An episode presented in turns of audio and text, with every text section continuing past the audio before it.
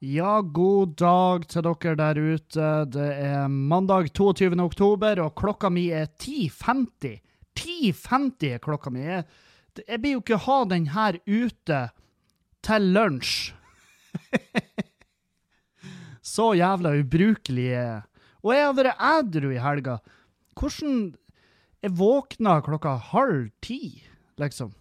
Det, og jeg har ikke drukket. Jeg har bare jeg bare styrer. Jeg bare ordna meg klubbkvelder, og, um, og that's it. Det er det jeg har gjort.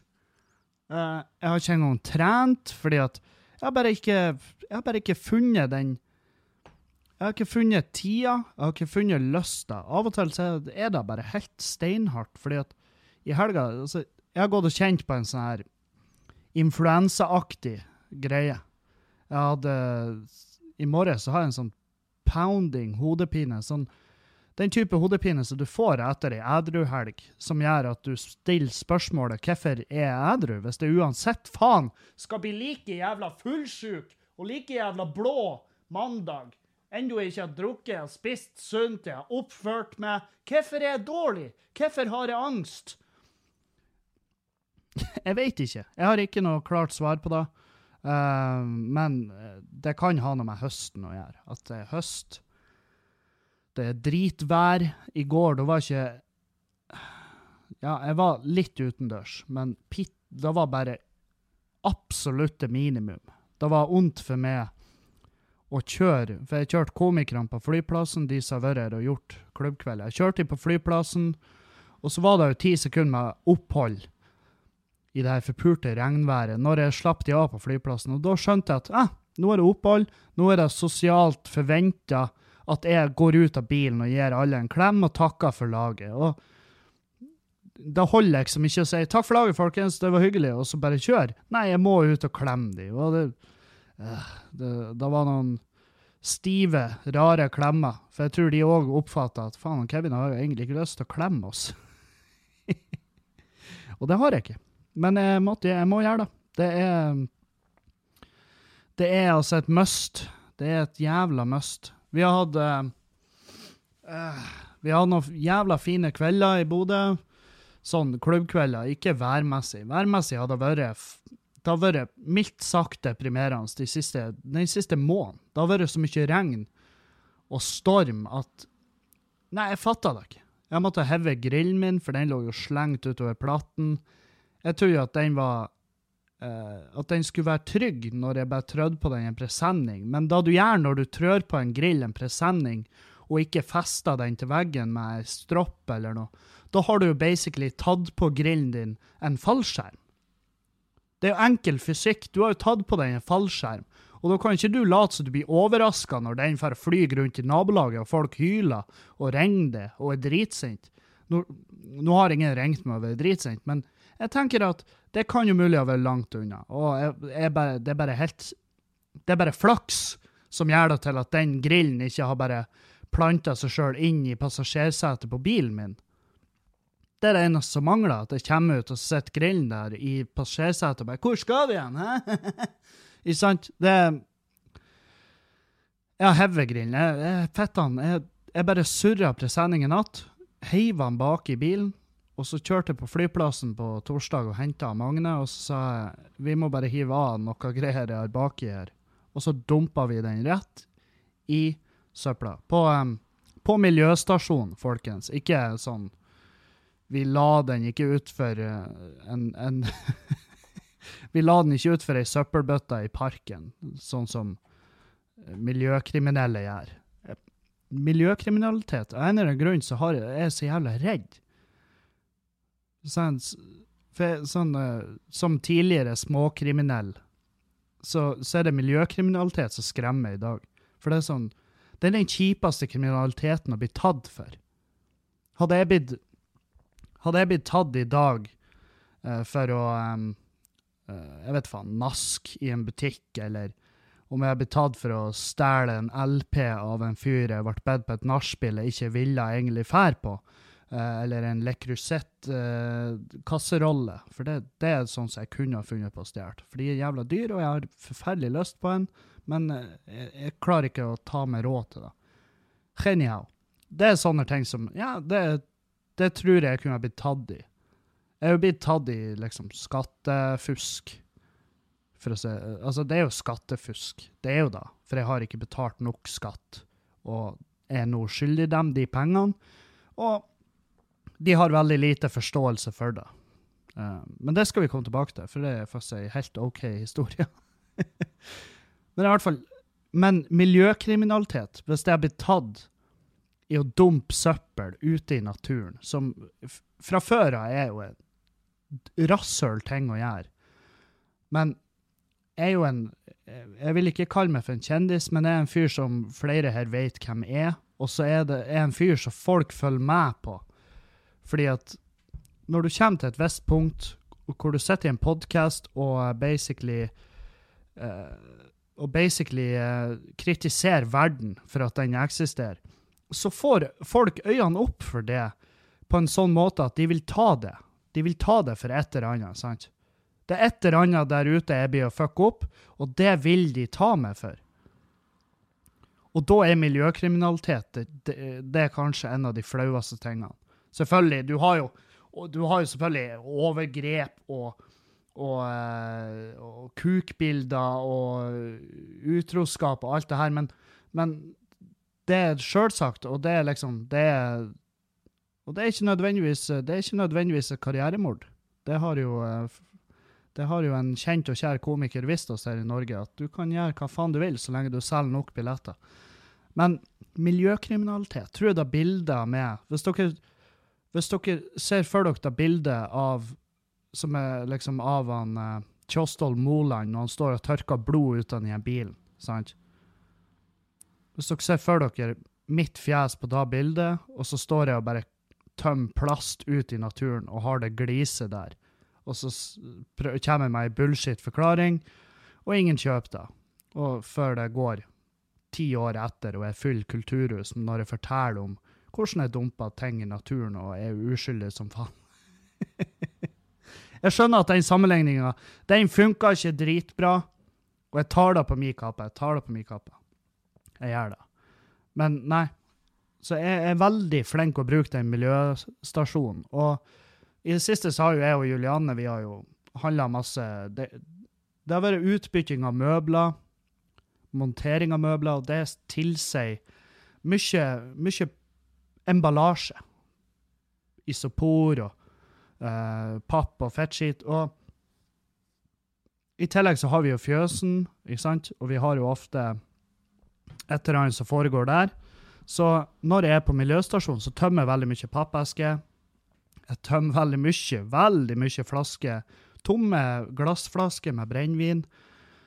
Um, jeg hiver de her uh, Av og til så kjøper jeg jo øl på fat, på sånn keycag, sånn plastfat. Så de må jo hives. Uh, sorteres der. Og han fyren som jobber på miljøstasjonen, han tror at jeg driver en bar. Han tror at jeg driver en bedrift, en uteplass av noe slag. Så, og så er jeg der såpass ofte at han Altså, vi er blitt sånn her vi, vi, prater, vi liksom tuller med hverandre. Vi, vi har fått et her Ja, et sånt forhold. Nesten så vi er kollegaer, liksom. Og um, Så det er tøysing.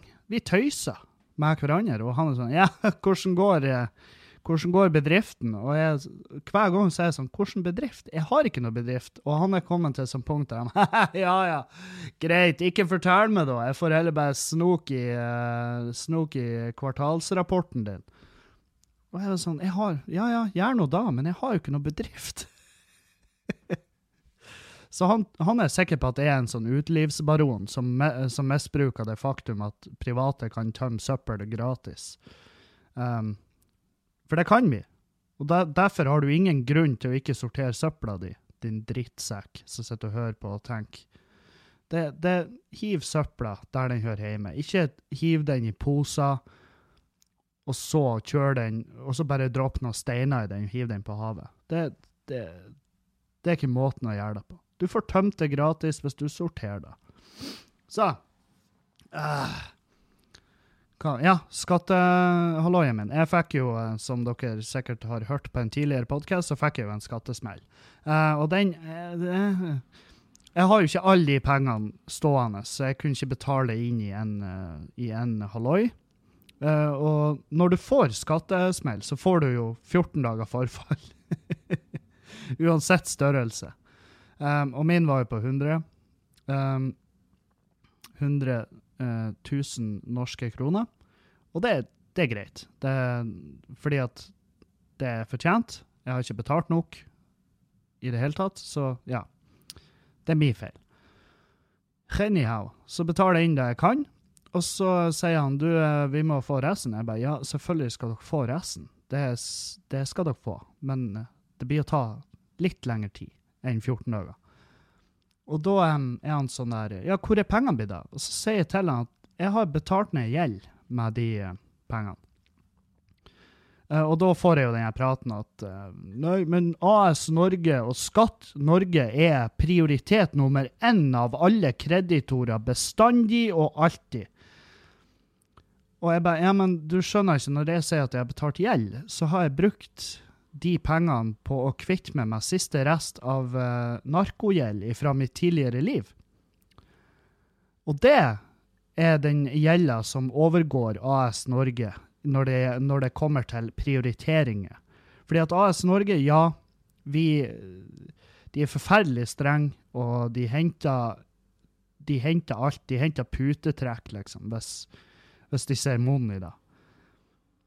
Men de motherfuckerne jeg var skyldig penger før, de henter ting ifra kroppen din. Ikke fra Ja, de tar jo TV og PlayStation og sånn, men de kan jo også ta ting ifra kroppen din som en påminnelse om at vi er ikke, vi er ikke en forbruksbank. Vi Så Og når jeg forklarte han da, så var han litt sånn ja, hva i helvete forventer du jeg skal si til det her? Så jeg bare, nei, du spurte meg hvor er de pengene blitt av, og jeg svarer det. Men jeg vil bare at du skal forstå at ja, dere får pengene deres. Jeg er ikke ute etter å prøve å lure Norge. Norge er smartere enn meg. Dere er smartere enn meg. Jeg har møtt spedbarn som er glupere enn meg. Så ikke tro at jeg har tatt på meg som en oppgave å skulle svindle Norge. Og det er sånn her det er derfor jeg sånn skattesvindel er et sånt stygt ord. for det er ikke Da jeg har gjort det, er i hvert fall ikke skattesvindel. Det er, det er skatte, skatte, skattedumhet. Skatteneglekt, kanskje. Ikke svindel. Svindel er Altså, det Det finnes jo folk som svindler på skatten, og de er glup. De flytter midler utenlands. De, de gjør sine grep, sant. Jeg, har ikke, jeg vet ikke hvordan du får en bankkonto i utlandet. Og jeg har ikke tenkt å finne det ut heller, for jeg, jeg, er i hvert fall ikke foreløpig på det punktet at jeg har noe igjen for å ja, for å flytte midler i utlandet. jeg vet ikke hva minimumet er for å opprette hva, hva, er det, hva, er det, aksepterte minimumet for å åpne en konto i Sveits? Sant? Det, det, er mitt spørsmål. Og hvordan får du pengene dit uten å melde det inn? Jeg vet, jeg vet, ikke. Jeg har ikke peiling. Jeg har ikke peiling på økonomi. Uh, nei. Så um, Så jeg skal jobbe hardere med å bli legit. Og Ja, og det har jeg gjort de siste fem årene. Eller ikke de siste fem, da, men Siden jeg flytta til Bodø igjen, så har jeg jobba hardt med å liksom bli kvitt gammel sånn pissgjeld og, og um, Ja, og bli en flinkere dude, sant? Og jeg får masse tips fra dere lyttere. Jeg får sånne meldinger. 'Hei, du, denne banken, de, de gir sånne sånne lån.' og jeg bare sånn, ikke, ikke send meg det der, for det hjelper ikke meg. For det første har jeg ingen eiendom de kan ta pant i. Det er jo hovedgreia deres. De må jo ha et eller annet å ta pant i. Og det dyreste jeg har, er vel nå mikrofonen jeg snakker inn sant? Så um, de må ha pant i noe. Det er nummer én. Nummer to er at de vil, de vil, jo helst at jeg ikke har noen betalingsanmerkninger, og det har jeg. Sant? Så derfor er det ikke vits. Jeg har en dude som hjelper meg nå. Uh, han eh, ordna med et mobilabonnement. Det var nice. Det, Det var jævlig kjekt. Takk for det. Takk for hjelpa. Eh, så nå har jeg et mobilabonnement. Ikke lenger kontantkort. Og det er deilig. Jeg føler meg som en voksen igjen. nå trenger ikke jeg å onanere lastebilsjåfører for å få datamengde igjen. Sant? Så nå, eh, nå føler jeg meg som en voksen. Og Nei, jeg føler meg bra. Det, det er god tid kontra mange andre dager i mitt liv. Fy faen. Og um, høstdepresjonen har ikke tatt like hardt tak i meg som den bruker å gjøre. Det er ikke for å gni det inn, men uh, jeg er fornøyd. Jeg har ikke så mye å klage på lenger. Og det er sånn her, faen, men det er jo en podkast som heter Klagemuren. Ja, jeg skal da vel greie å klage på ting og tang, men det er ikke like det er ikke like mørkt som det var når jeg starta, og det, har, det, får jeg jo melding på hver dag. Folk er sånn Helvete, det her det er en jævla artig podkast, fordi at hvis du hører fra første episode utover, så hører du hvordan en dypt deprimert, psykisk utmatta fyr bare blir et bedre menneske. Og ja, det er, det er Jeg er helt enig. Jeg er helt enig. Jeg har ikke kjangs å høre på de første episodene. Jeg hører ikke på noen av episodene, for å være ærlig, fordi at eh, på grunn av det her vi har pratet om tidligere, at stemmen vår høres helt jævlig ut når vi hører den sjøl, på opptak. Det er helt jævlig. Når jeg hører opptak av min egen podkast, så skjønner ikke jeg hvordan dere klarer å høre på podkasten. Men det er jo fordi at jeg har vent meg på hvordan min stemme høres ut i mitt eget hode, og så hører jeg den på opptak og bare holy fuck! Har jeg drevet på og lurt meg sjøl i alle de her år til å tro at jeg har en tydelig, maskulin stemme, og så høres det ut som jeg prater med en kuk i munnvika? Sant? Det er da Åh. Nei, så um, uh, Skal vi se, hva har vi på dagens agenda? Um, ja, Kanarifansen har vært og sagt unnskyld uh, på grunn av det banneret de hadde med som en sånn åpenbar fuck you til han fyren som mista foten sin. Uh, Branntilhenger. Um, så denne gangen hadde de med seg et banner hvor det sto 'Unnskyld, Jørgen'. og det er bra. Godt jobba. For dere, dere tok kritikk der, og dere har gjort det eneste dere kan gjøre, som er å legge dere flat. Men dere gjorde det i ettertid, etter dere har prøvd å Ja, etter dere har prøvd å eh, lire dere ut av det med en sånn bullshit unnskyldning. Så det blir vi ikke å glemme. Eller jeg blir ikke å glemme det. Det er sikkert mange som har glemt det allerede, men det var en fin gest. Bra.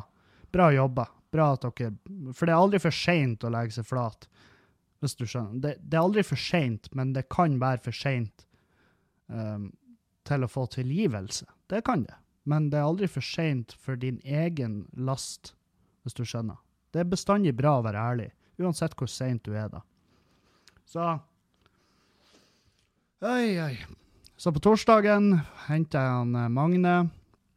Uh, vi spiste Holy fuck, fjeset mitt, vi spiste. Vi spiste um, elg. Langtidspreparert elg.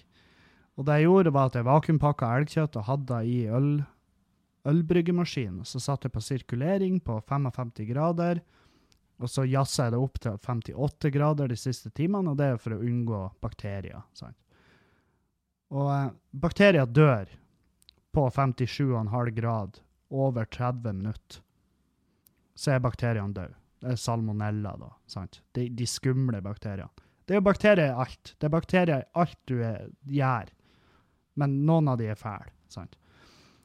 Og vi spiste da i lag med noen grønnsaker som er laga, og, og um, fy faen for et måltid. Jeg åt og stønna, og jeg stønna sånn knullestønna, sånn Janice Griffith-stønning, sant?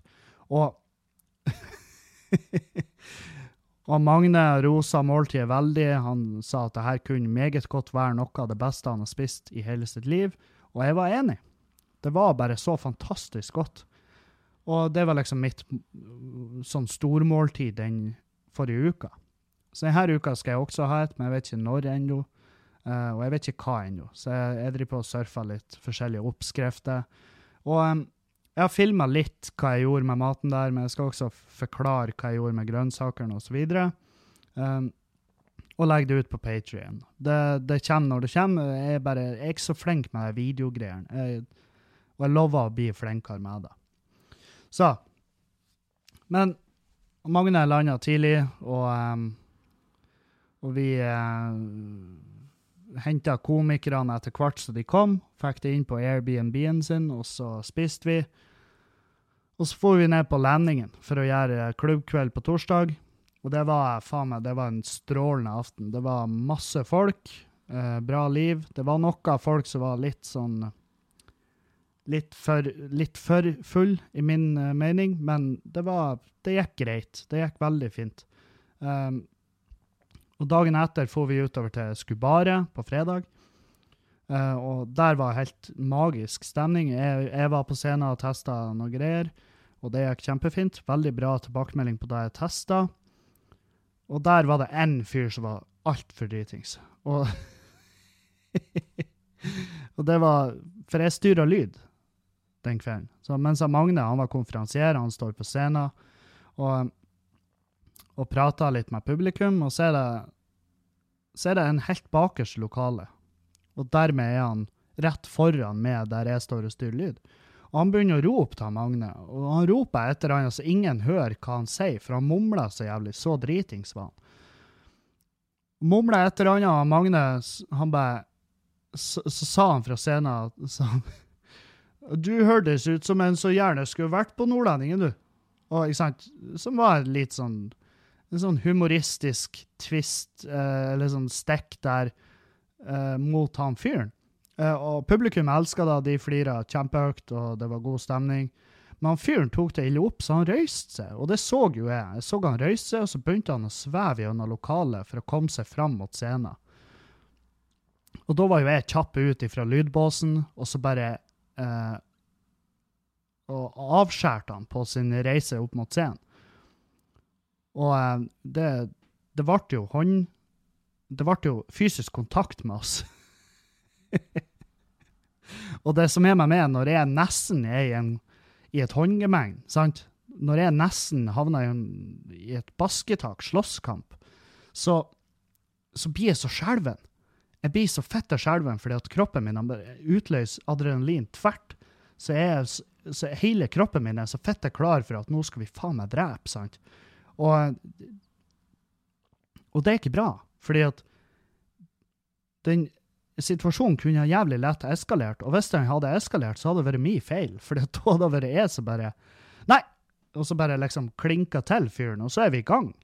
Uh, så, så jeg var litt skremt av meg sjøl, og jeg satt jo og i lydbåsen lenge etter det der. For at jeg skjærte han av og jaga han tilbake i setet sitt, og så tenkte jeg at vi hiver han ut i pausen. Fordi at hvis vi gjør det nå For at vi fikk mye oppmerksomhet for det som foregikk der.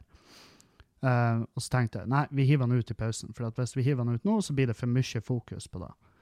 Um, og så kommer pausen, og så uh, glemmer jeg det av.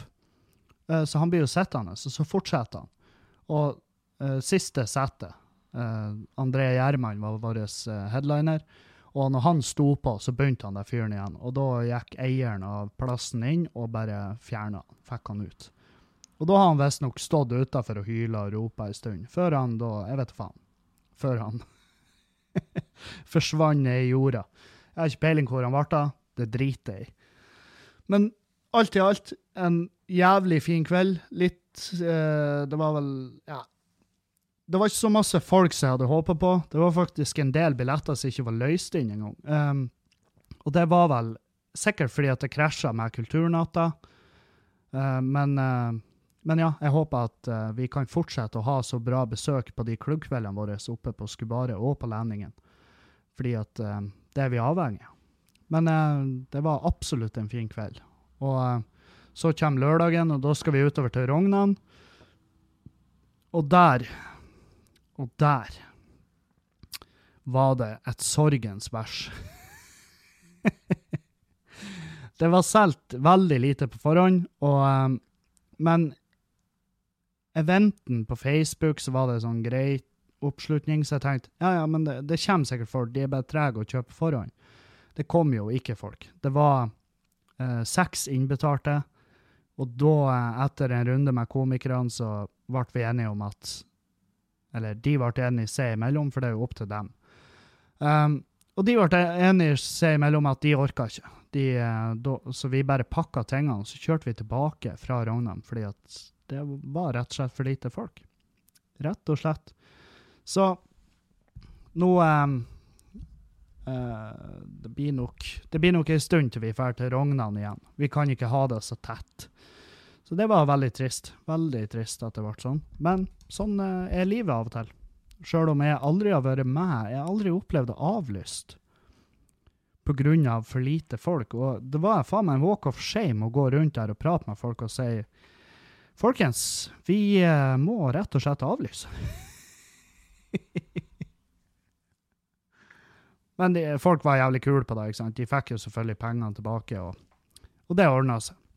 Men synd for komikerne. Det, det, noe, det, gjør jo noe med vårt sjølbilde når vi må avlyse noe. Det, det, skjønner jeg godt. Fy faen, altså. Det er mørkt. Det er så jævlig mørkt. Men som sagt, sånn er livet. Uh.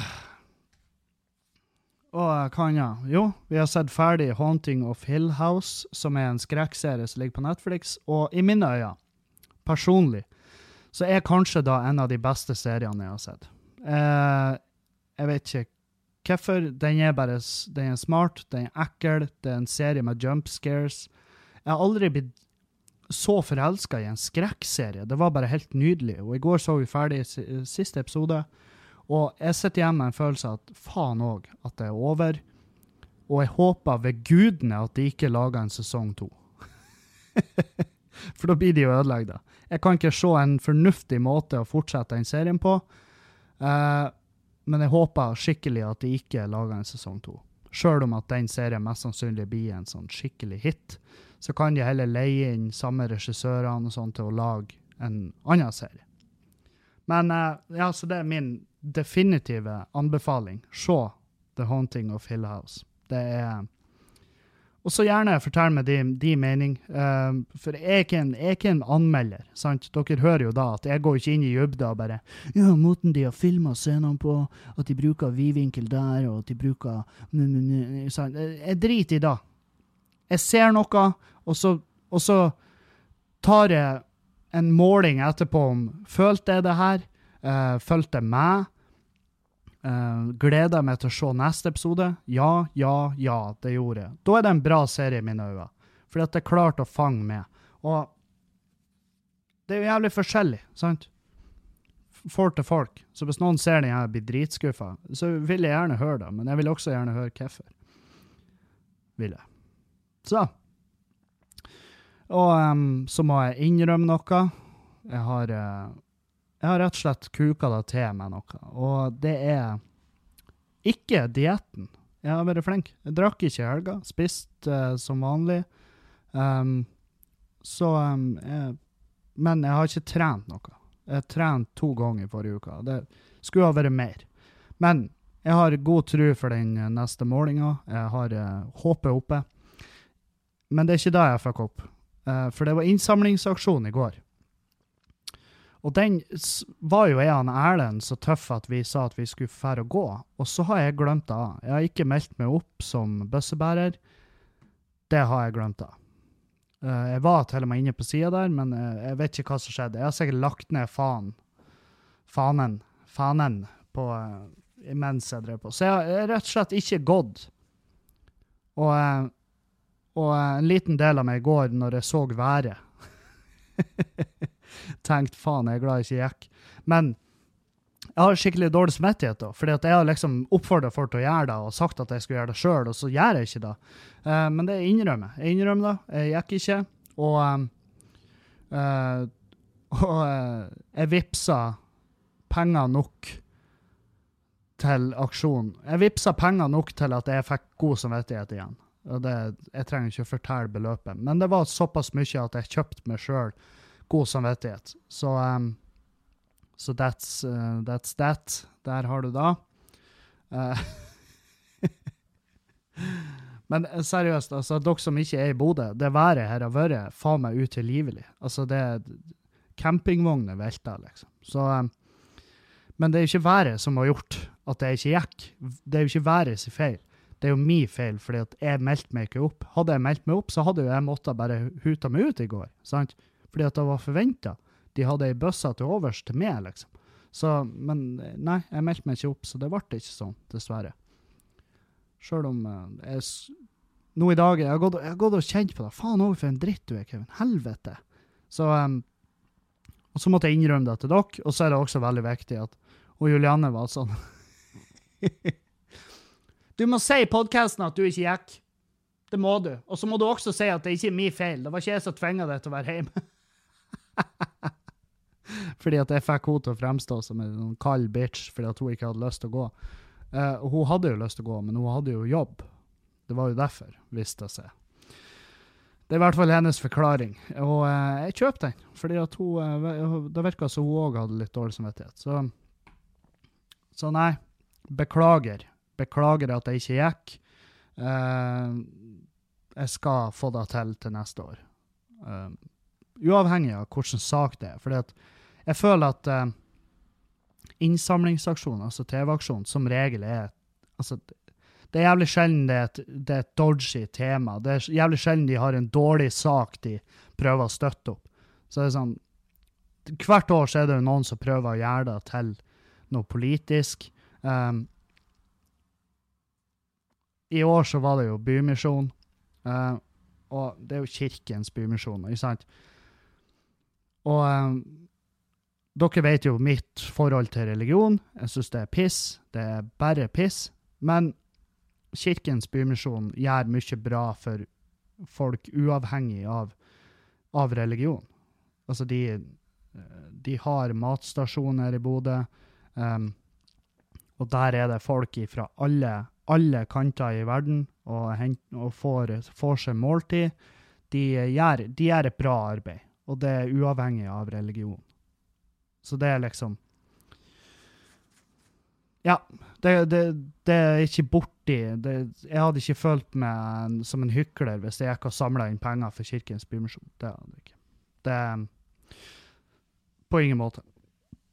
Eh, fordi at det var et spørsmål jeg fikk. Det var en lytter som sendte meg liksom, «Eh, hvordan kan du reklamere for det når du har det forholdet du har til kirken og oss som er religiøse? Nei, fordi at jeg tenker mer på de som mottar det til syvende og sist. Det er jo ikke dere som er religiøse og mottar pengene. Det, er jo, det går jo til hjelp for folk som er særs vanskeligstilt i samfunnet. Og eh, om 50 år så kan da være dere.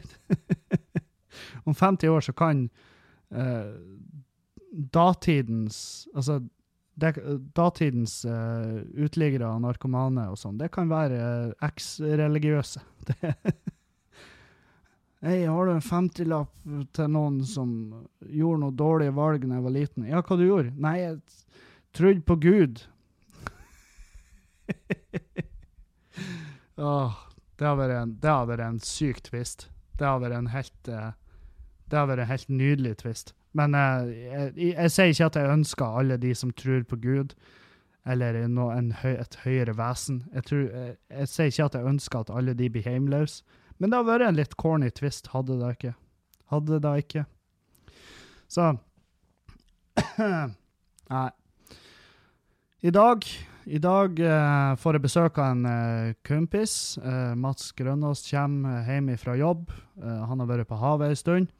Han er jævlig keen på å drikke. Jeg blir ikke å drikke. Jeg har sagt det til han at det blir ikke å skje. han har fortsatt eh, Han har trua på at det blir å skje, eh, som er litt artig. Fordi han, det er det som er med noen Når du er på sånne diettgreier, så har du noen kompiser som er sånn 'Fette bra jobba, og dritbra, Kevin. Bare si ifra, så blir jeg med og går tur.' Og? De, de, de er helt der. Og så har du den kompisgjengen som er sånn her Gi faen, skal du slanke din feite dritt? Det er jo du som er tjukkasen i gjengen. Kan, du har en rolle å spille. så du har de som bare virkelig ikke engasjerer seg på det nivået. Men det er jo de, liksom. Det er de kompisene som uh, sto og holdt rundt meg og skreik i lag med meg når mamma ble begravd. Sant? Så det, det er liksom Det er ikke dårlige venner, det er bare venner som er så gode at de er dårlige.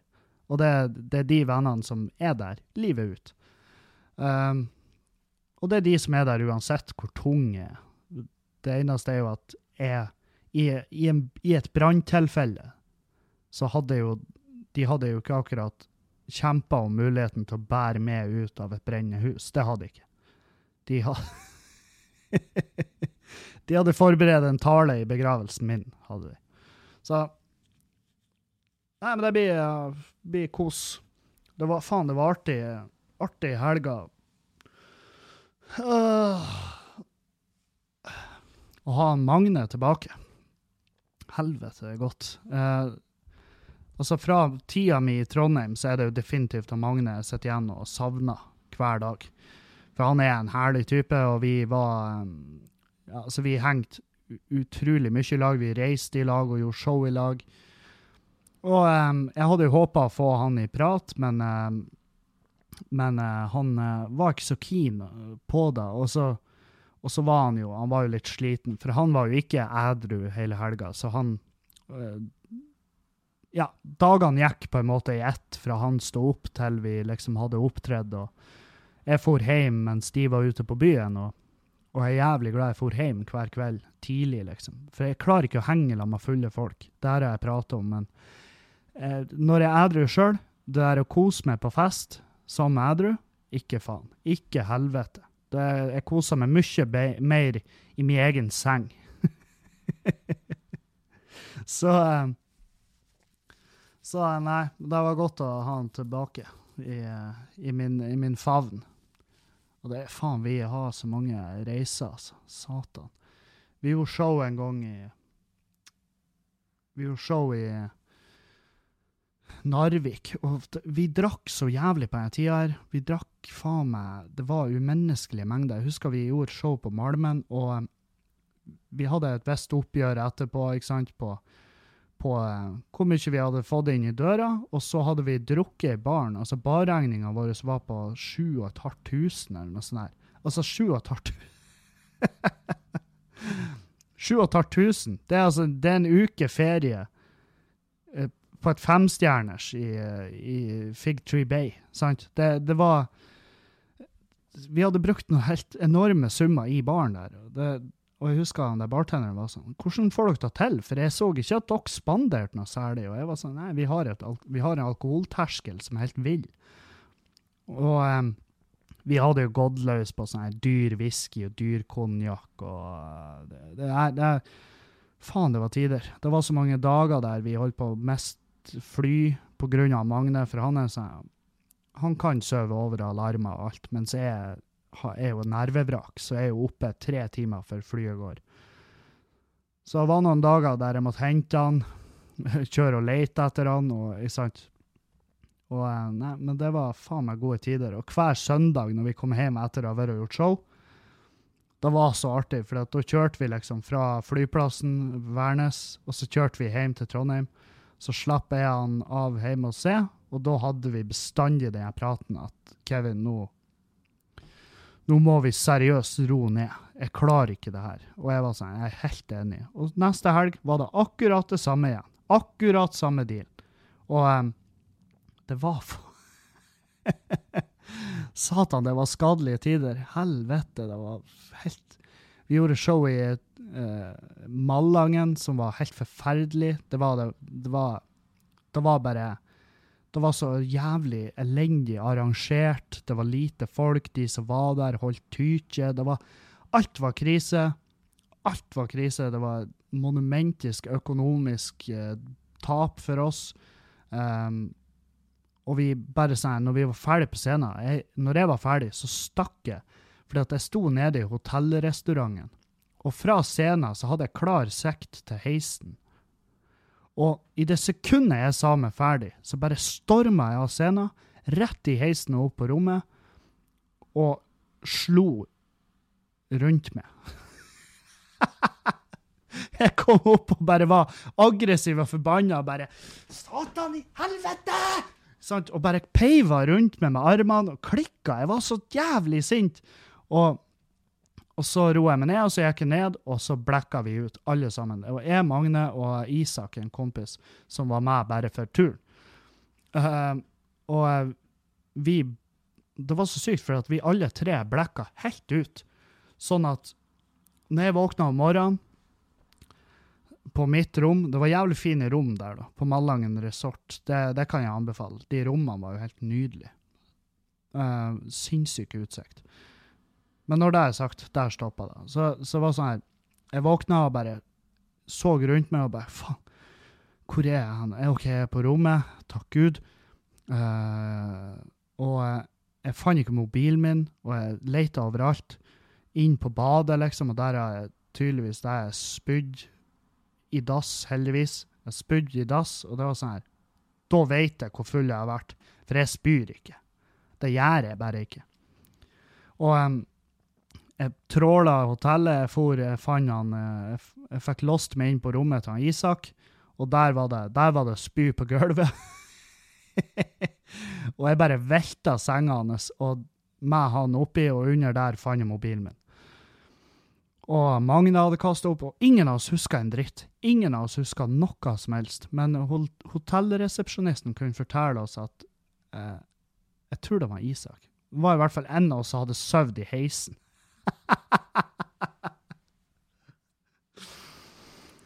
Uh, så sjekka vi ut, og da viste det seg at vi måtte jo betale for hotellrommene. I hvert fall Isak sitt. Det var fullpris på, og det, så han uh, tapte jo masse penger på den turen.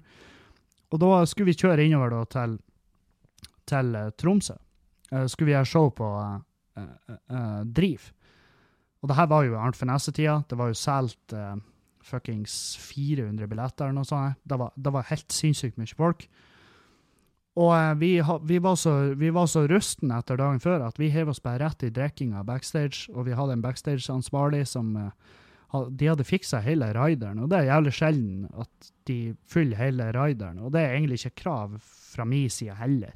Men det var jeger, og det var masse øl, og vi drakk altfor mye. Vi drakk uproft mye, og det er sånn at verken jeg eller Magne husker å ha vært på scenen den kvelden. Jeg husker bruddstykker, og jeg husker sånne teite ting. Jeg jeg, Magne og jeg vi vedda om at jeg klarte å få med en setning fra Askepott.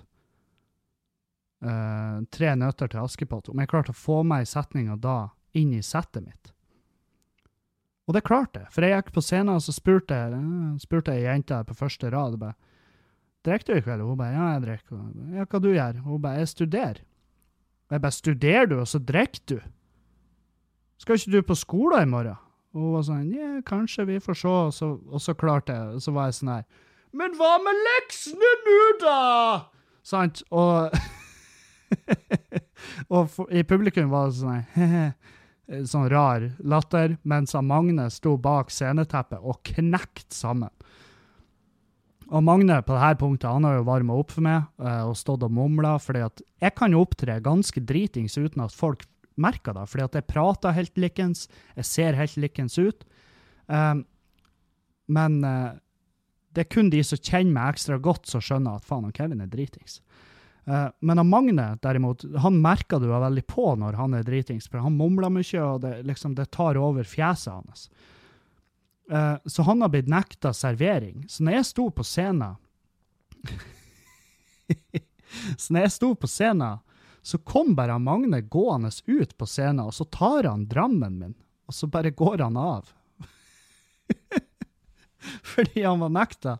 Og, og så de, de, de, som arrangerte, og de som jobba der, de var veldig skeptiske før show, men folk virka veldig fornøyd etter show. For når jeg våkna om morgenen og hadde psyko-angst, ikke sant? Fordi du kan tenke deg til den følelsen du har når, når du våkner og du ikke husker alt du gjorde i går, og bare helvete, jeg var i lag med å gud, jeg var, jeg var, jo på jobbfest, og har jeg dritt meg ut, eller Tro hvis du våkner en dag og du vet at dagen før så sto du på en scene foran 400 betalende mennesker, og så uh, husker du ikke hvordan det gikk.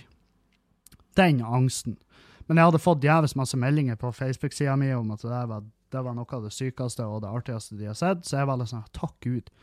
Uh, heldigvis. Men uh, nei, så det var, det var en, uh, en, dag som som kunne vært verre. Åh, en og andre Det er så mange historier, og det er mange som ikke egner seg å prate om i det hele tatt. En gang så gjorde vi vi gjorde Harstad. Var det Harstad? Jeg tror det var Harstad. Enten Harstad eller Narvik. Uh, jo, det var Harstad. Vi gjorde, vi gjorde Harstad, så skulle vi gjøre Sørreisa dagen etter. For vi, skulle, vi hadde prøvd å få booka oss inn til Finnsnes, men Uh, der var det liksom en sånn her sykt, sykt uproff arrangør som bare ikke Ja, han bare kunne ikke forstå hva vi holdt på med. Så forslaget vi fikk fra han, var bare uakseptabelt. Um, så jeg sa nei, men du, da setter vi det opp en annen plass. Og han var sånn ja, lykke til. Lykke til med å finne en annen plass å sette opp. Han var ganske sånn, han var litt sånn småsint. Og så um, uh, la jeg ut på Snap, husker jeg, at det var sånn, hvor skal vi gjøre showet? Det blir ikke i Finnsnes. Så var det en fyr som bare du, eh, du kan gjøre det på Sørreisa hotell, jeg har allerede prata med dem. Og Sørreisa er ikke så langt unna Finnsnes, sant. Så han var sånn Det blir å komme folk. Det blir å fuckings komme folk. Jeg bare ja, greit. Så eh, kontakta vi Sørreisa hotell, og de var sånn ja, ja, greit, vi gjør det. Vi har tid. Det skjer ikke en dritt annet, så hvorfor ikke? Og vi solgte faen meg kjempemasse billetter, det ble fette fullt. Og det var, det var sånn her Det var et sånn shabby, gammelt hotell drevet av en svenske um, som, som gikk rundt en gammel mann med armen i fatle, og han har thaikjerring og en liten unge springende rundt der. Det var, det var sånn her veldig, veldig ikonisk type uh, uh, foretak der.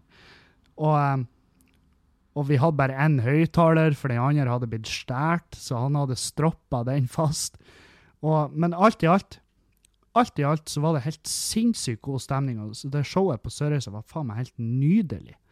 Og, eh, og eh, det, det, var bare så, det var bare så god stemning, liksom. Vi var så jævlig fornøyde etterpå. Og, og han svensken var sånn der 'Ni har reddet hotellet!' Fordi at det gikk jo tydeligvis ikke så det kosta etter det der hotellet, da. Um, og uh, har reddet hotellet!' Han var, han, var så, han var, så, glad. Han var så fornøyd. Og, og vi drakk, og vi kosa oss og hengte med folk, og, og Magne han søvna av inne i, i baren. Uh, så vi fikk jo han på rommet etter hvert. Og så begynte han å nærme seg nachspiel, og jeg hadde med meg liksom jeg hadde med meg to, to kompiser fra Harstad. De kjørte de kjørte oss, mener jeg å huske. Uh, så de var med og drakk og kosa seg, de òg. Og så var det sånn Nå blir det nachspiel, for faen. Så forsvant han ene kompisen, så var bare jeg og han andre der. Jeg husker faen ikke hva han het engang. fordi at han var en sånn du kan si inngift kompis. En kompis av en kompis. Så jeg og han for på et nachspiel i lag med en kis der som kaller seg for kongen av Sørreisa. og eh, det her var jo Jeg var jo ung og dum. Eh, jeg burde jo ha skjønt at du, fer, du blir jo ikke med en fyr som heter, kaller seg for kongen. Sant? Men han var i hvert fall Ja, vi tar med folk oppover til meg. Vi, alle opp til huset mitt. Jeg bare, ja, konge. Sant? Det var god stemning, folk var gira. Og han bare Vi kjører jo første taxien, selvfølgelig. Ja, den, det er jo enig i. Du må jo åpne huset og slå på lys og sånn, så det gir jo mening. Så jeg, han, kompis og uh, to damer som vil si at taxien må jo faen meg kjøre til overlast, tror jeg. I hvert fall. Vi kjørte oppover. Jeg, han, to damer. Vi får oppover, uh, og uh, da har, når vi kom inn i huset, det var jo et jævlig fint hus. Der var mye fine ting, dyre ting. Han visste med sånn klokke, halloi som faren hans hadde. Sånn klokke Hva det heter Klokkebenk. Det var masse klokker der. sant? Og dyr konjakk og faens oldemor. Vi satt og drakk konjakk. Og, og, så innser jeg at faen, nå er det lenge siden vi kom hit, og hvor blir det av resten av folket? Og da innrømmer han at han har sagt til taxisjåføren at ingen andre skulle opp hit. Så taxisjåføren har nekta å kjøre folk opp dit. Eh, og det er klart, da jeg sjekka mobilen, og jeg hadde fått masse snapper. Sånn, Hvor i faen, hva, hva det her er for noe? Og jeg bare sånn, jeg vet ikke. Og, og da var klokka såpass mye at jeg var sånn, jeg skal bare drikke opp og skal dra hjem. Og um, han, uh, han inngifte kompisen min, han satt jo der da og klina meg i Bertha. Og, uh, og han huseieren satt og fulgte veldig nøye med. Og, og så Og så sier han Du, dere, hvor mye skal dere ha for å pule foran oss?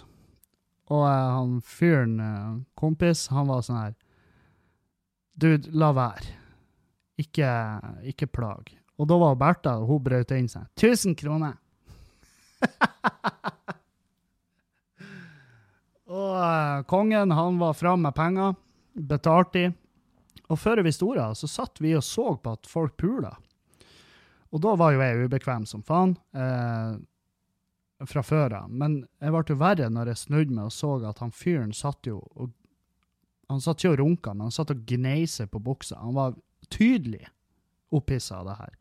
Og jeg bare heiv i meg resten av konjakken og bare sånn takka for meg, og gikk derifra. Og da var jo sola oppe igjen. Det var jo faen meg Klokka var sikkert en seks-sju om morgenen. Og, eh, og jeg halta hjemover, og eh, jeg spurte liksom søndagsturgåerne hvor er hotellet. Og jeg gikk i en og en halv time for å komme hjem.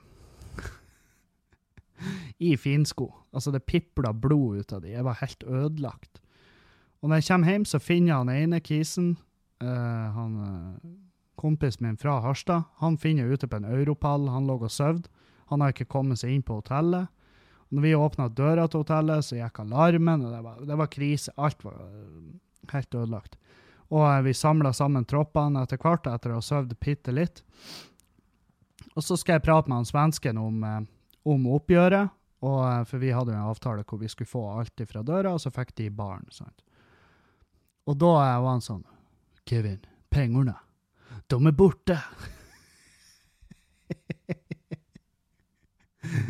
Og jeg bare Hæ? Ja, pengene er borte, Kevin. Jeg har tappet all kontrollen. og pengene var borte. Han visste ikke hvor de var. Og jeg var sånn Det her er jo krise. Og han bare Jeg vet, jeg vet. Vi Unnskyld, unnskyld, Kevin. Pengene er borte. Jeg, jeg har tappet all kontrollen. Og han var jo helt tydelig berørt, knust av det her, og jeg var sånn her Det her er, det er ikke bra. Og um, men jeg hadde jo et sånn visst antall folk som var der, og så sa jeg vi må fakturere det for det. Det, det, det håper jeg du skjønner. Så må du bare melde, du må bare ta deg på forsikringa. Det er jo tyveri. Det er jo noen som støler de pengene. Og eh, Så jeg var sånn her, jeg lurer på om det hotellet ennå finnes. Det skal jeg faen meg Jeg skal faen meg se om det ennå eksisterer. For at hvis Altså, det var jo Det var jo ikke Det gikk ikke så det kosta etter, som sagt. Skal vi se Jo da, Sørreisa hotell. Det er der ennå. Så eh, de gikk jo ikke konkurs, da, på grunn av det der. Vi fikk pengene våre, det gjorde vi. Og eh, god stemning. Òg ei eh, helt syk historie av han der han fyren som betaler folk for å knulle foran seg. Det var eh, faen meg, det var faen meg rar tur, ass. Herregud. Ja, så eh, Nei, det var sånne historier jeg hadde lyst til å få Magne i prat om, uh, men uh, det var vel ikke så Det var ikke så aktuelt for han, og det, det må jeg bare det må jeg bare respektere. Kanskje når jeg drar ned til Trondheim. Kanskje jeg får han i prat òg. Um, det er jo 9. og 10. november i Trondheim. 10. november er utsolgt. 9. november er det litt billetter igjen, så hvis du vil på det testshowet der, så uh, må du være kjapp ute. Fordi at det, de billettene begynner å, det begynner å bli to- tomt. Rett og slett. Så hvis du lurer på hvor du finner billetter, så går du inn på Facebook-sida mi, Kevin Kildahl, der, og så events.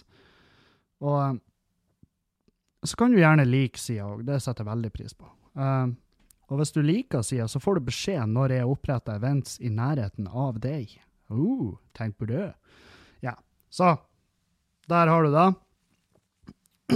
uh, Fjøsen Live 16. november med Dag Sørås. Um, nå tror jeg vi har to, sist jeg sjekka, to-tre billetter igjen. Så uh, hvis du vil på det, uh, så må du, må du gi lyd asap. Skriv til meg på Skriv til meg på Instagram eller på Facebook, så skal vi ordne billetter, da. og de billettene, det er stiv pris. Det er høy pris, men uh, du får jo Og det er for å unngå eh, alkoholloven. så det, det er sånn spleiselag. Så det er en stiv pris, men du får så mye øl du vil. da. Så derfor er den høy. Ja. ja. Skal vi bare gå løs på noen spørsmål? Jeg fikk en sånn jævla Jeg fikk sånn Jeg lurer på om jeg er på tur og begynner å få migrene. For jeg får en sånn psyko hodepine av og til, og den bare kommer som om noen stikker nål inn i skallen min. Det er sikkert kreft. Uh, det her er en melding fra en kis som uh, skal rette på meg, og det er veldig bra. Hola! Ønsker å være anonym siden jeg kan komme til å ta jobber for forsikringsselskapene som gjør skjeggkre til ufarlige kosedyr. Ja. Du har ikke skjønt det og må rettes på. OK. Ja, men da kjører vi løs.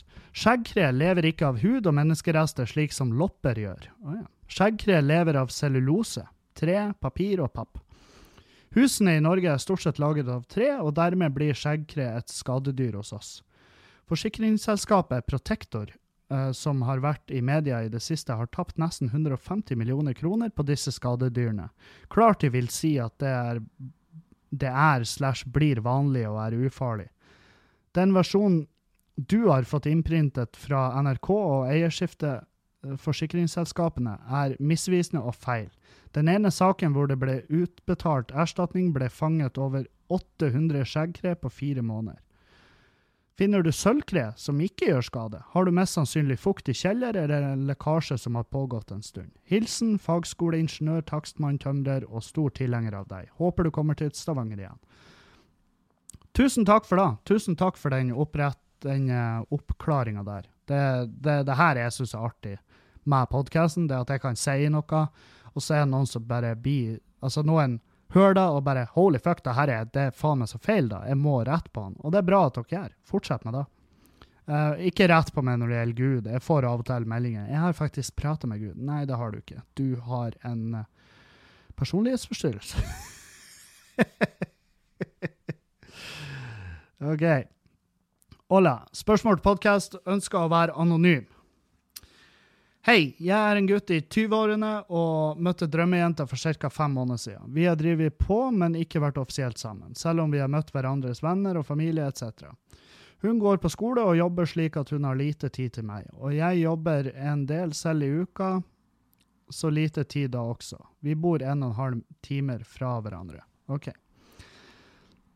Møtes litt i helgene iblant, men den siste uka har hun vært veldig stille og ikke ringt eller sendt noe særlig meldinger heller. I går fikk jeg svaret. Hun følte ikke hun var klar for forhold, og det hadde med tid å gjøre. Og hun trodde også at det kunne ha noe med tidligere forhold som endte for to år siden. Jeg ble helt knust, ikke sovet i natt, men hun sa vi kunne være venner. Men, talt, men jeg er ærlig talt usikker om det vil funke. Hva mener du slash dere at jeg bør gjøre? Vil gjerne bli sammen med henne. Um, vent litt. Jeg har rett og slett ikke med hele teksten. Skal vi se. Vil gjerne bli sammen med henne. Har sykt mye følelser for henne. For henne. Stor fan av podkasten din. Fulgt med siden starten. På forhånd takk. Svar. Takk for svar. Med vennlig hilsen fortvilet gutt i 20-årene. Jo, det her, du er jo i en dritsituasjon. Du er i en forferdelig situasjon. Og um, si uh, Altså, det spørs jo hvor mye er du villig til å på en måte ofre for det her. Fordi at en og en halv time ifra hverandre, det, det, er litt mye. Det, det byr på vanskeligheter. Um, selvfølgelig, jeg hadde ikke greid det. Det går ikke. For meg, i hvert fall. For noen, noen får sånn her distansegreier til å fungere. Men det, tanken på å skulle ha møtt Juliane bare i helgen, det hadde, det hadde tatt livet av meg. Så, eh, så, det du må gjøre, det er at du må, du må prate med henne og si at hvis det er tid som har noe, hvis det er tid som er grunn, så er jeg villig til å gjøre masse for deg.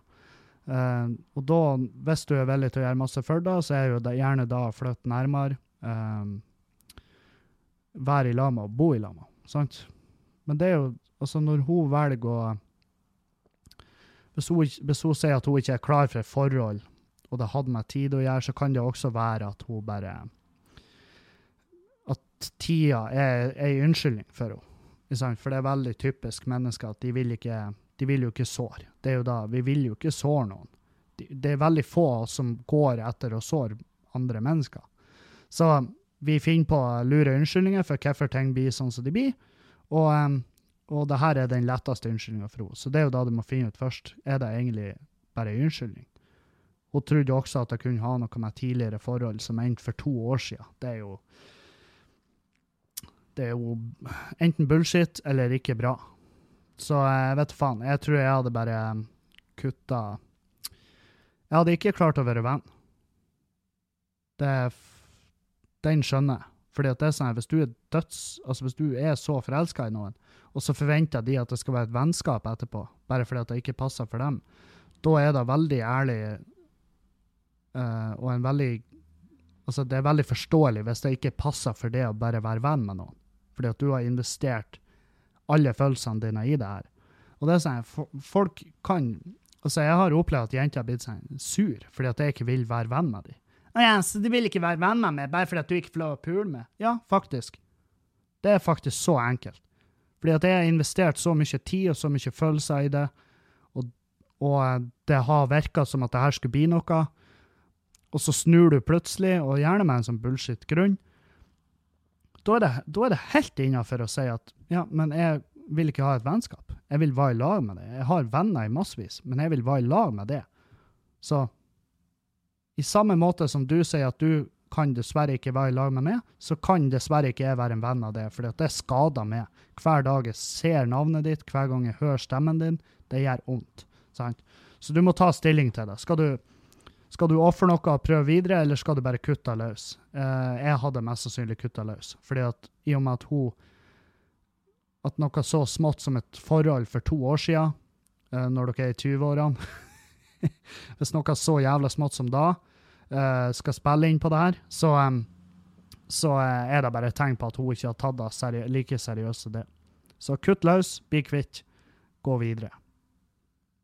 Det er mitt, mål, mitt tips der. Lykke til. Fortell gjerne hvordan det går. Fortell gjerne hvordan det går. Uh, Hei, Kevin. Digga podkasten og progresjon på hvordan livet ditt er snudd så positivt i det siste året. Takk for da. Eh, da jeg kan kjenne meg igjen i mye av det du har snakket om. Ja, men det er bra. Det er en del av meninga òg, da. Så, om Tinder. Uh, som du har nevnt et par ganger i podkasten, eller rettere sagt Tinders ukjente lillebror, Hater. uh, det er tydeligvis en app, da. Da de fleste vet hvor kleint en Tinder-date kan kjennes, er Hater helt perfekt. Da den er laget for å matche opp ting man ikke liker. Gikk på første Hater-date i fjor sommer, og feirer nå ett år med verdens herligste dame. Lykke til med podkasten videre, ser frem til fortsettelsen. Så bra! Så bra for det! Det er jo kjempebra at uh, folk kan møtes over ting de misliker. det, er jo, det er jo knallbra. Det er kjempebra. Um, gratulerer med da, og takk for den meldinga. Det, det er kos å høre. At det ikke bare er jeg som av og til koser meg. Spørsmål til podkast i morgen, eller i dag. Uh, har du noen gang sett noen norske eller internasjonale komikere stjele andre sine vitser eller bits? Hilsen Sondre. Ja, det har jeg. Uh, og um, det som er med, det som med sånn her eh, eh, Det som er greia med at folk stjeler uh, Stjeler materiale fra andre komikere, det er at ofte så er det Altså, det kan være ren, skjær plagiat, altså et rent tyveri, og det kan jo også være uh, Det kan jo også være uh, noe så enkelt som en, en parallell tenking.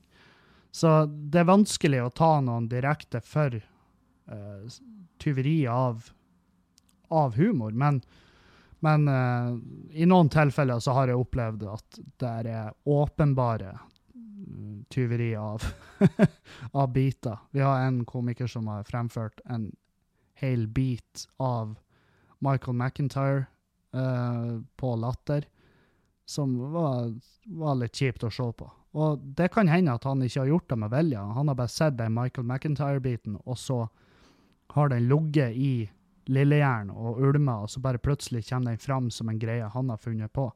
Men komikere er som regel jævlig klar på det at eh, jeg stjeler ikke, og hvis jeg stjeler, så er det ikke med vilje. For det, det, kan skje. Um, Dennis Leary var jo um, uh, Dennis Leary var jo uh, kjent for å ha tatt en, en, masse biter Jeg tror det var Bill Hicks. Um, og det var sånn tyveri som var altfor tydelig. Altfor tydelig. Så ja, det skjer, men det er ikke Det blir sett jævlig ned på. Det blir sett inn i helvete ned på hvis folk stjeler humor. Og, um, og, det var jo jævla artig når jeg fikk en video av en nykommer som har lyst til å stå i Bodø, og så på den videoen så har han direkte kopiert uh, Utøya-vitsen som, jeg hadde når jeg var Arnt Finesse så han fortalte den vitsen på den videoen han sendte meg, som er jo da et tegn på at han visste ikke at det var jeg han hadde tatt den vitsen ifra. så det var litt kleint. Men, uh, men uh, altså, jeg sa jo til han at det er gutsy, gutsy å spørre om en spot her med en video hvor du fremfører en vits som jeg har skrevet. Det, for det er ikke da det her er. Det er ikke, det er ikke hver gang vi møtes. Så eh, men han tok det på sin kappe, og han innrømte at han hadde hørt den vitsen av en kompis, og det er da som er litt skummelt med å gjøre Å ta vitser fra andre. Uh, ta for mye tips av folk rundt deg, det er jævlig skummelt. For plutselig så ender du opp med at du gjør materiale som egentlig er ganske kjent, og det er veldig flaut å bli tatt på. Uh, jeg har også gjort vitser som folk har sagt til meg at uh, det der er jo en kopi av den vitsen. Og så har jeg tenkt sånn, faen, det, det, er faktisk jævlig nært. Når du sier det, så ligner de altfor mye, og da har jeg kutta den biten. Uansett hvor vondt det gjør. Men uh, vi, klar, vi, skriver jo noe nytt før eller siden. Så nei, det skjer. Det skjer hele tida, og det er jævlig synd. Men i humormiljøet så blir det så sett ned på at det kan faen meg ødelegge karrieren din. Det, for vi komikere er jævlig nådeløse med hverandre. Så bra spørsmål. Du fikk meg til å prate litt arbeid. Det er kos av og til. Um, det var dagens podkast, rett og slett. Um, nå skal jeg pakke sammen, og så skal jeg gjøre litt fornuftige ting. Og så høres vi igjen på torsdag, tipper jeg. Og så får dere ha takk for uh, Takk for all støtte på Patrion. Fortsett med det. Uh, jeg skal legge ut noe mat. Uh, Kevins fette Masterchef-videoer der. Um, følg med på Instagram. Si ifra hvis du vil på Fjøsen Live. og for faen, denne uka så står jeg på Humorslongen i Oslo. Kom på da. Sjekk det ut. Det ligger ute. Kom på Humorslongen i Oslo. Jeg gleder meg som faen til å stå der nede. Så ses vi der. Takk for meg. Ha ei en fin uke. Auf Wiedersehen!